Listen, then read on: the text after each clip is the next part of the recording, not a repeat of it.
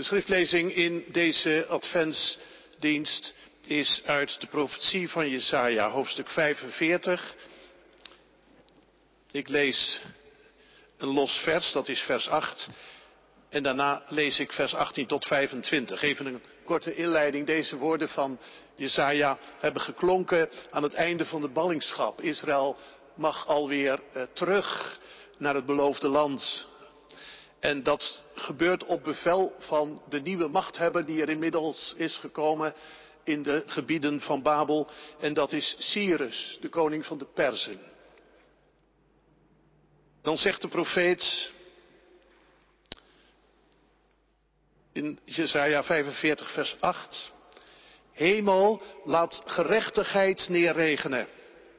Laat haar neerstromen uit de wolken. En laat de aarde zich openen. Laat de hemel en aarde redding voortbrengen. En ook het recht doen ontspruiten. Ik, de Heer, heb dit alles geschapen. En dan bij vers 18. Dit zegt de Heer, die de hemel geschapen heeft. Hij is God, die de aarde gemaakt heeft en gevormd. En die haar heeft gegrondvest. Niet als chaos schiep hij de aarde, maar om te bewonen heeft hij haar gevormd. Ik ben de Heer en er is geen ander. Ik heb niet in het verborgene gesproken, ergens in het duister oord. Ik heb Jacobs nageslacht niet gevraagd, zoek mij in de chaos. Nee, ik ben de Heer. Al wat ik zeg is rechtvaardig. Wat ik aankondig is waarachtig. Laten de ontkomen volken zich verzamelen. Laat hen allen naderbij komen. Wie een houten godenbeeld ronddraagt, heeft geen verstand. Wie bidt er nu tot een God die niet redt? Kom hier, overleg met elkaar en vertel. Wie heeft dit van meet af aan laten horen? Wie heeft het lang van tevoren aangekondigd? Was ik dat niet, de Heer? Buiten mij is er geen God. Alleen ik ben een rechtvaardige God. Alleen ik breng redding.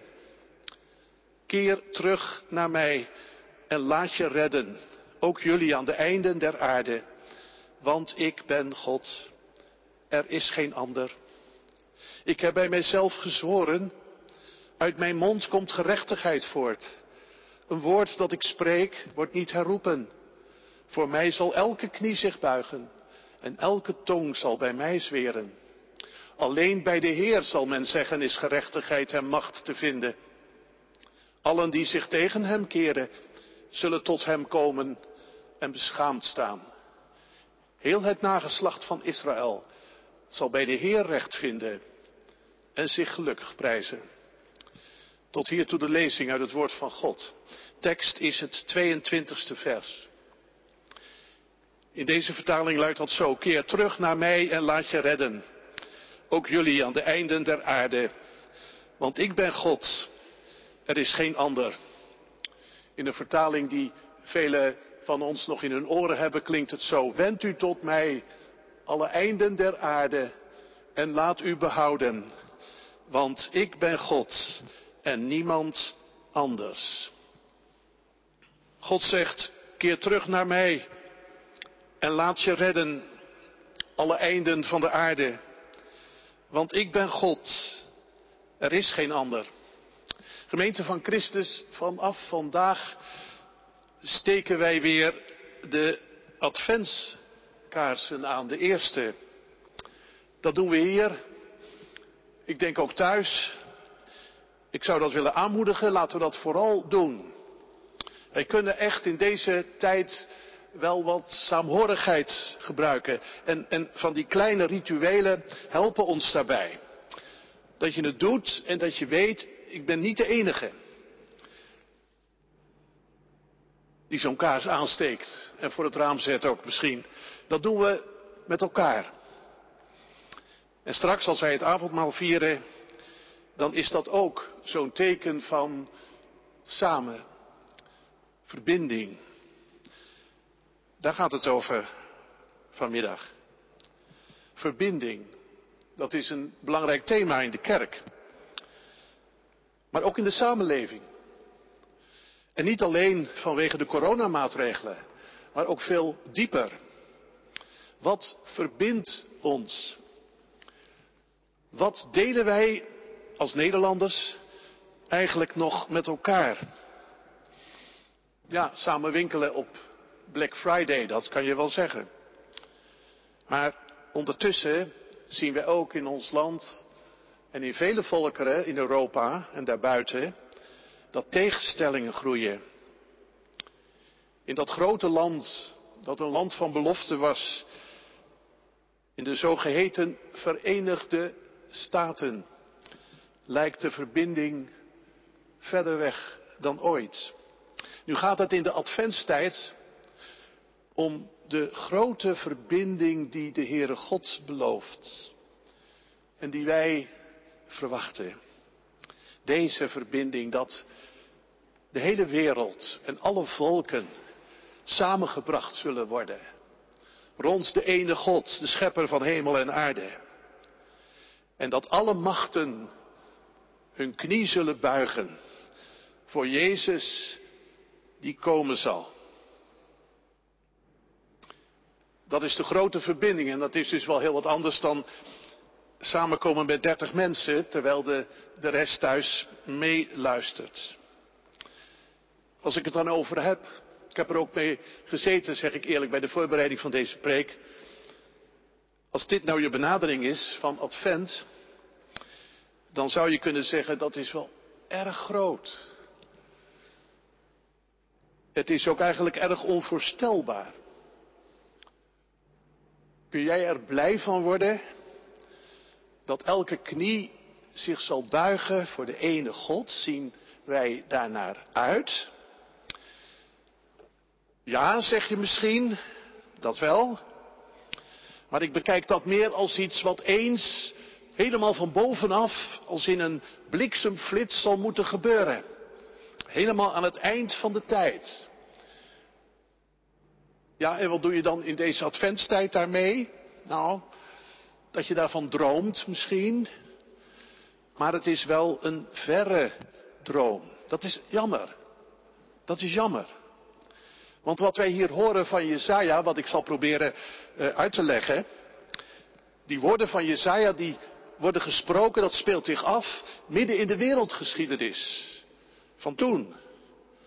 En het gaat erom dat wij naar die woorden luisteren alsof ze ook vandaag in onze geschiedenis bezig zijn te gebeuren. Als we zo luisteren, als dat een beetje overkomt, dan kunnen wij ook geïnspireerd worden.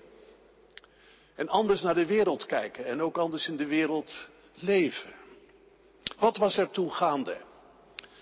Ik zei het al, het zijn dagen, het is een periode van omwenteling. Met de bijbehorende verwarring en onzekerheid. De machtsverhoudingen in de wereld waren aan het veranderen. Het rijk van Babel, waar Israël was weggevoerd, dat was ingestort. En een ander rijk nam het over. Zo gaat dat. Wij merken dat in onze tijd ook. De Persen kwamen. Cyrus, hun koning. Een machtspoliticus. En die voert net een ander beleid dan koning Nebukadnezar van Babel. Nebukadnezar zei, ik haal al die volken weg. En ik plant ze hier als nieuwe onderdanen van mijn grote rijk. En Cyrus doet precies het omgekeerde. Die zegt, ik wil die multiculturele samenleving niet zo in mijn gebied. Laten ze maar weer teruggaan. En zo komt het dat de Joden terugkeren naar Israël. Cyrus was niet zo'n aardige man dat hij de Joden liet gaan. Hij was gewoon een machtspoliticus en een meedogenloze veroveraar. Het is crisistijd. En dat heeft voor heel veel volken en stammen in die tijd grote gevolgen gehad. Om te beginnen moesten ze zich heroriënteren. Bij wie sluiten wij ons aan? Op wie kunnen wij ons vertrouwen gaan stellen? Alles raakt op drift. Gisteren hoorde jouw volk nog bij de overwinnaar en nu hoor je bij de verliezers. Waar gaat het heen? Wie bepaalt eigenlijk wat er gebeurt in deze wereld. Wat zijn de machten die het tij zouden kunnen keren misschien. Wie zal ons redden? Er is een volk dat het antwoord weet op die vraag. Dat volk draagt de verwachting in zich, in zijn bestaan. En dat volk is Israël. Die beleven dus ook bijzondere tijden. Ze mogen terug, dat is mooi. Dat is ook een vervulling voor hen, van wat hen gezegd was door God. Maar ze worden daar ook onmiddellijk weer tegengewerkt. En je, je merkt uit die profetieën van Jesaja dat er allerwegen ook in Israël onzekerheid is en vertwijfeling. En waar is God nu? Waar kunnen wij hem vinden? En dan spreekt de profeet. Zo'n stukje dat wij lazen. Hij spreekt namens God. Maar eigenlijk spreekt de Heer direct door hem. En wat zegt God nou? Tot deze wat ontredderde, onzekere mensen. Zegt God, ja, ik zie dat jullie het moeilijk hebben. En ik zal jullie steunen. Nee, dat is dit keer niet de taal die God gebruikt. God zegt, Cyrus, Cyrus, die grote machtige man, die de touwtjes in handen heeft, dat is mijn dienaar. Cyrus heeft niets anders gedaan dan mijn wil uitvoeren. En daarom zijn jullie teruggekomen. En nu moet je niet denken dat ik nu klaar ben, nu jullie weer thuis zijn en jullie verder ga helpen. Nee, dit is nog maar het begin. Want ik ben de schepper van hemel en aarde en van alle volken. Ik ben de machtigste God. Nee, dat staat er ook niet. God zegt niet, ik ben de machtigste God. Hij zegt, ik ben de enige. Ik ben de enige die redt. Er is geen ander. Dat is toch wel een bijzondere ontdekking. Misschien ook heel persoonlijk voor ons. Om het zo te zien dat God niet de grootste is of de sterkste, maar dat Hij de enige is. En waarom? Omdat Hij de hemel en de aarde gemaakt heeft. Hij is dus schepper. En al het andere, al het andere, die hele werkelijkheid, dat is allemaal schepsel. Eén is schepper. Er is geen ander. En die ene, die schepper is en die alles leidt, die doet het zo wonderlijk. Die laat machtigen en tirannen in deze wereld hun gang gaan. Onbegrijpelijk. En tegelijk stuurt hij ze ook aan. Ze moeten hem dienen. Cyrus is mijn dienaar. Daar zou je natuurlijk best een postje over kunnen doordenken. In het licht van allerlei dingen die je vandaag meemaakt. Die wij meemaken, die de wereld meemaakt. De vraag is natuurlijk wie ziet het? God is zo te zien niet de sterkste. Voor het oog, nee. Dat volk waaraan God zich verbonden heeft, dat is een onbetekenend volk. En het zijn anderen die de beslissing nemen over hun toekomst. Dat is tussen twee haakjes nog zo. Als je iets van Israël wilt begrijpen, moet je niet denken dat volk moet sterker en sterker worden. En dat is al geweldig. Zo is het niet. Israël is afhankelijk van anderen en misschien is dat juist het geheim. Dat Israël het onbetekenende volk is. Dat niets kan en niets is zonder die God. Die ene.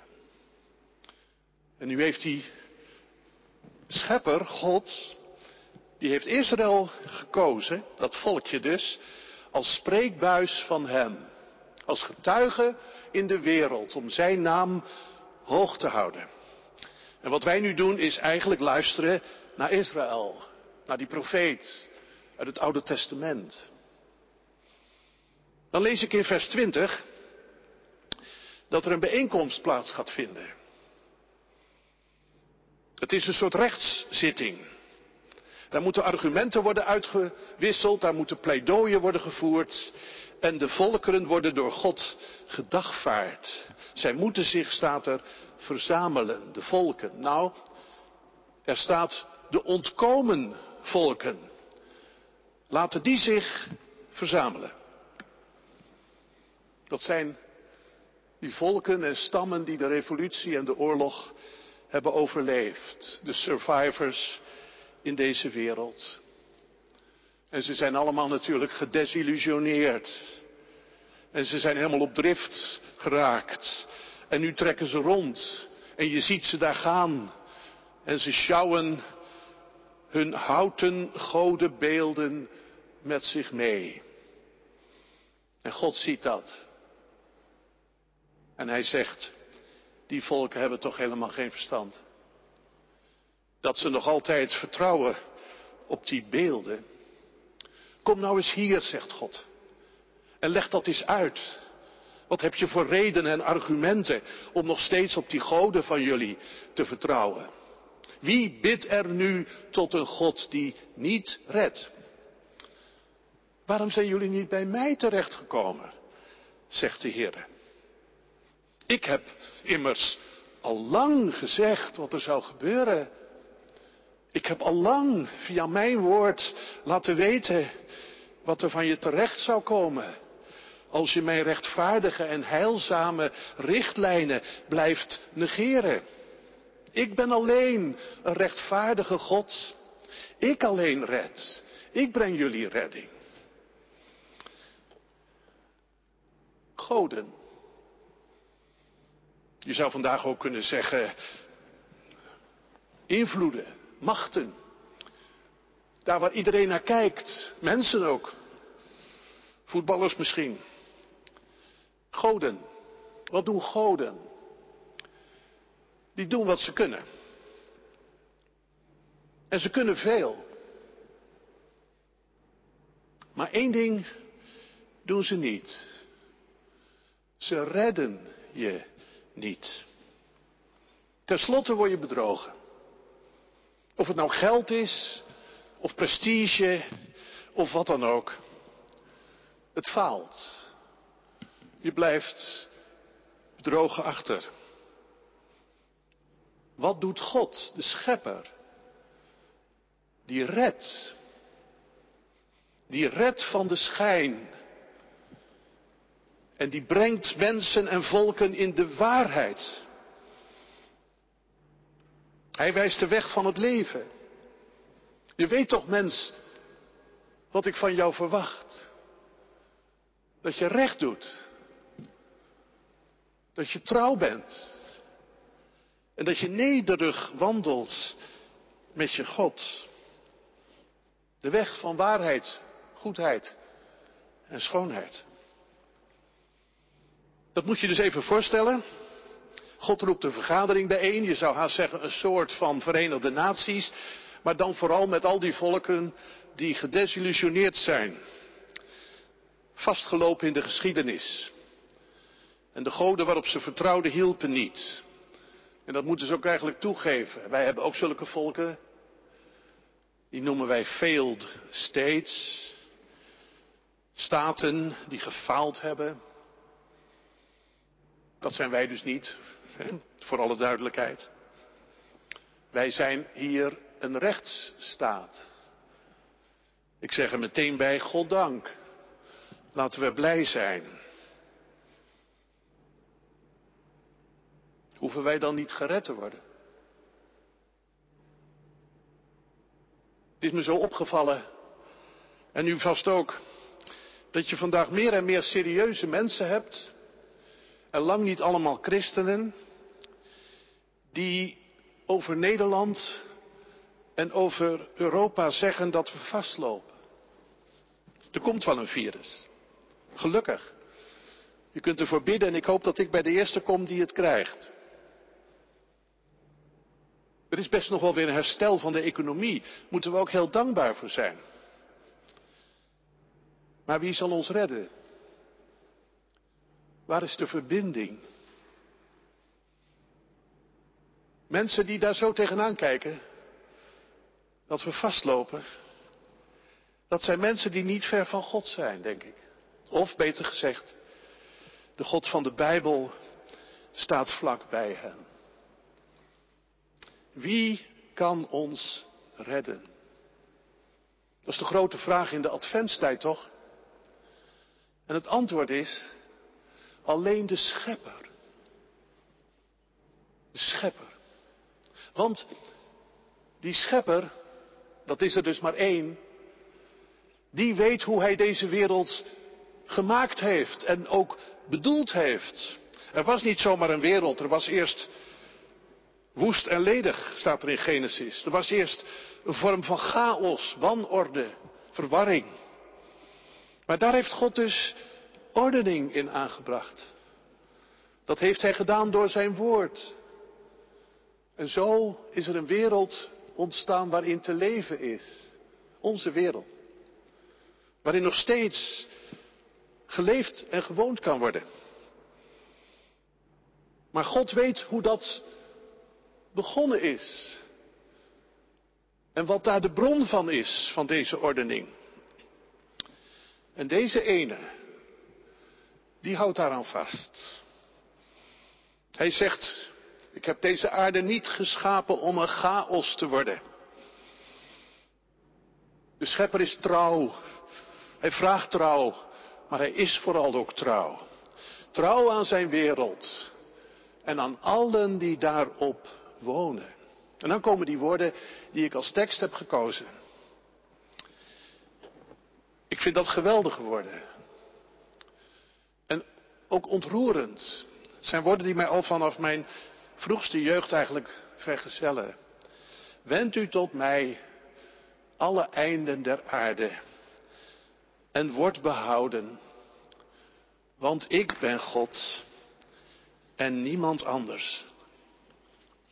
De einden der aarde, ook jullie staat er, die aan de einden van de aarde wonen. Nou, dan hoef je dus niet zo lang na te denken, de einden der aarde, daar wonen wij.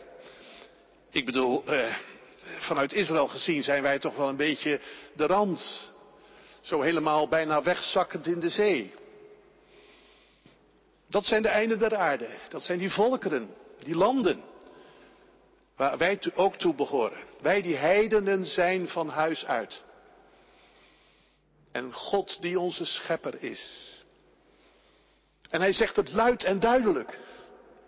Ik heb niet in het verborgene gesproken, zegt God. Mijn boodschap is niet iets voor, voor 30 mensen en nog een paar.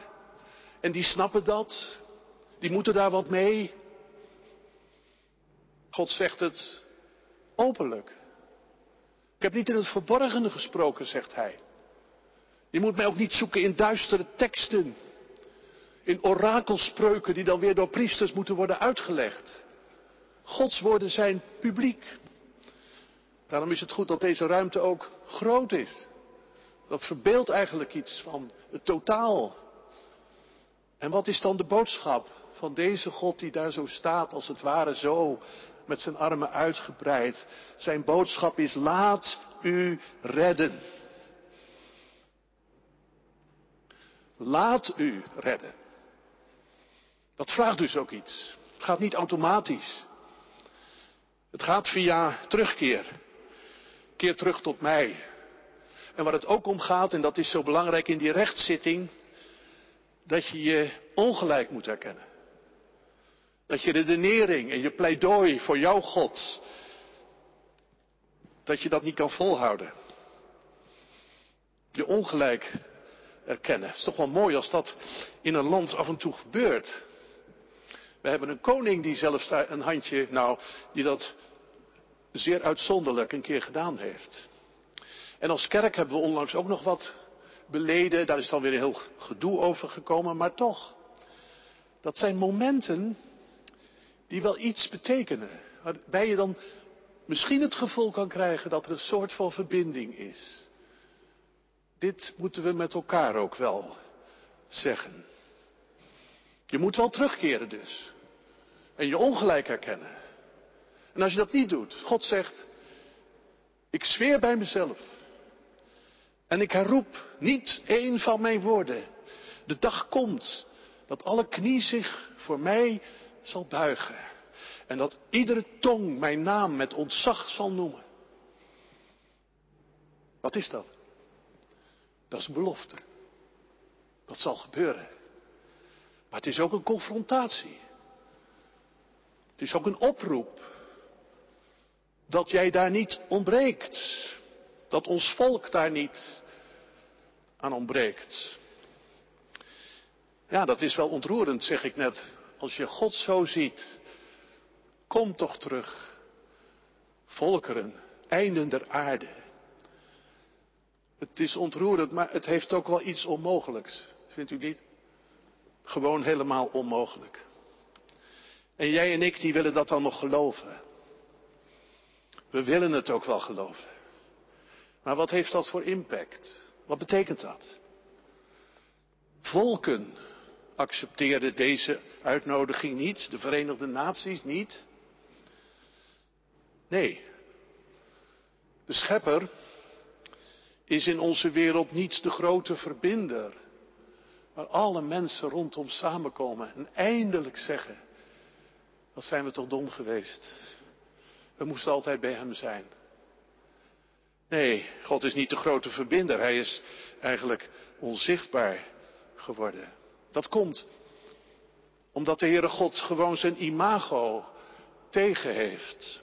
De trend is, God, die duwt je weg, die duwt je in een hoek. Religie beperkt onze vrijheid. Maar zo is het niet. Is net omgekeerd. God laat zich wegduwen. Dat merk je toch? God laat zich wegduwen uit de publieke ruimte. Niet helemaal. Nee, ik weet het. Gelukkig. Er zijn mensen die mogen toch vertellen voor de televisie. Moeilijk soms. Teer. Je denkt alles wat ik zeg, komt dat over. Maar God is onzichtbaar aan het worden. En ondertussen gaat alles door. De waarheid struikelt op de straten, zegt ook een profeet. En je ongelijk herkennen. Als je tv kijkt, zie je dan leiders, zie je dan volken die hun ongelijk erkennen. Zie je dan mensen en volken die zeggen dat we natuurlijk ons best moeten doen met allerlei dingen die verbetering kunnen brengen in de wereld. Maar dat we uiteindelijk redding nodig hebben. God is onzichtbaar. Waar is Hij dan? Waar is de schepper van hemel en aarde? Ja, en nou sta ik hier voor jullie om te zeggen, Hij is er wel. Hij is in deze woorden die je kan lezen en die ik probeer over te brengen. Hij is er wel. God is bezig in de wisselingen van de wereld. Hij laat machtigen hun gang gaan. Hij laat rijken opgaan, blinken en verzinken. Alles gebeurt, toch kunnen ze allemaal niets doen zonder Hem. Dat is me toch wat. Het wordt nog veel wonderlijker, dwazer, zegt Paulus. God stuurt zijn zoon in de wereld. En hij wordt verwijderd uit de heilige stad.